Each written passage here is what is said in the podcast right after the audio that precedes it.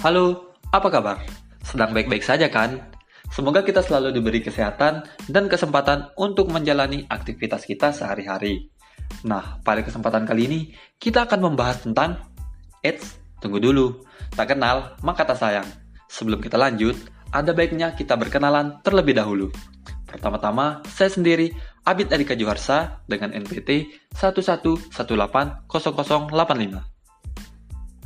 Selanjutnya dengan saya Rivaldion Kadafi dengan PT 11180104. Halo, selanjutnya dengan saya Irhas Widodo dengan NPT 11180093. Gimana? Udah pada kenal kan? Kalau gitu kita lanjut. Oke, pada pembahasan kali ini kita akan membahas nih salah satu fenomena meteorologi yang memiliki karakteristik yang mirip dengan El Nino dan La Nina di Samudra Pasifik. Tapi bedanya, fenomena ini terjadi di Samudra Hindia bagian barat dan bagian timur, dan memiliki dampak pada wilayah-wilayah sekitarnya seperti pantai timur Afrika, Australia, dan khususnya Indonesia. Nah, maka dari itu penting untuk kita mengetahui fenomena ini. Nama fenomenanya adalah Indian Ocean Dipole atau IOD. Nah, buat teman-teman yang udah pada kepo, Indian Ocean Dipole itu adalah suatu fenomena yang terjadi karena adanya interaksi antara atmosfer dan lautan. Fenomena ini dapat diidentifikasi dengan menganalisis anomali suhu muka air laut di Samudra Hindia bagian barat dan bagian timur.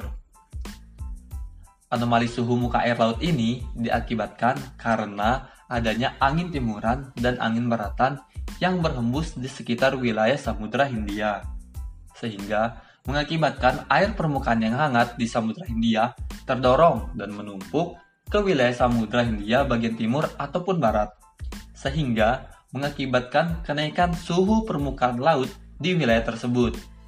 Nah, perlu teman-teman ketahui, secara umum terdapat dua jenis fenomena anomali suhu muka air laut ketika terjadinya IOD, yaitu IOD positif dan IOD negatif. Untuk lebih lengkapnya akan dibahas oleh Irhas dan Dion. Teman-teman pasti bingung, kenapa sih ada IOD yang positif dengan IOD negatif? Apa aja sih perbedaannya? Nah, saya akan jelaskan secara singkat tentang apa itu IOD positif. Pada periode IOD positif, perairan di Samudra Hindia bagian tenggara umumnya lebih dingin atau suhu lebih rendah dari rata-rata di mana perairan di Samudra Hindia bagian barat akan lebih hangat atau suhu lebih tinggi dari rata-rata. Akibatnya, konveksi yang merupakan proses awal terbentuknya awan dan hujan akan bergeser dari Samudra Hindia bagian timur ke arah barat dan membawa banyak hujan ke bagian timur benua Afrika. Di sisi lain, daerah Samudra Hindia bagian timur yang tinggal dari konveksi tadi, contohnya seperti Indonesia, akan menderita kekeringan. Nah, itu teman-teman penjelasan dari saya tentang IOD positif. Selanjutnya, penjelasan tentang IOD negatif akan dijelaskan oleh teman kita Irhas.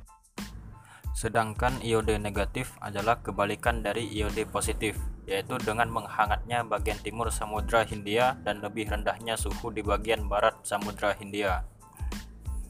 Bersamaan dengan itu, akan terjadi anomali angin sepanjang ekuator yang mengarah ke timur, sehingga termoklin jauh lebih dalam di bagian timur dibandingkan di bagian barat Sumatera.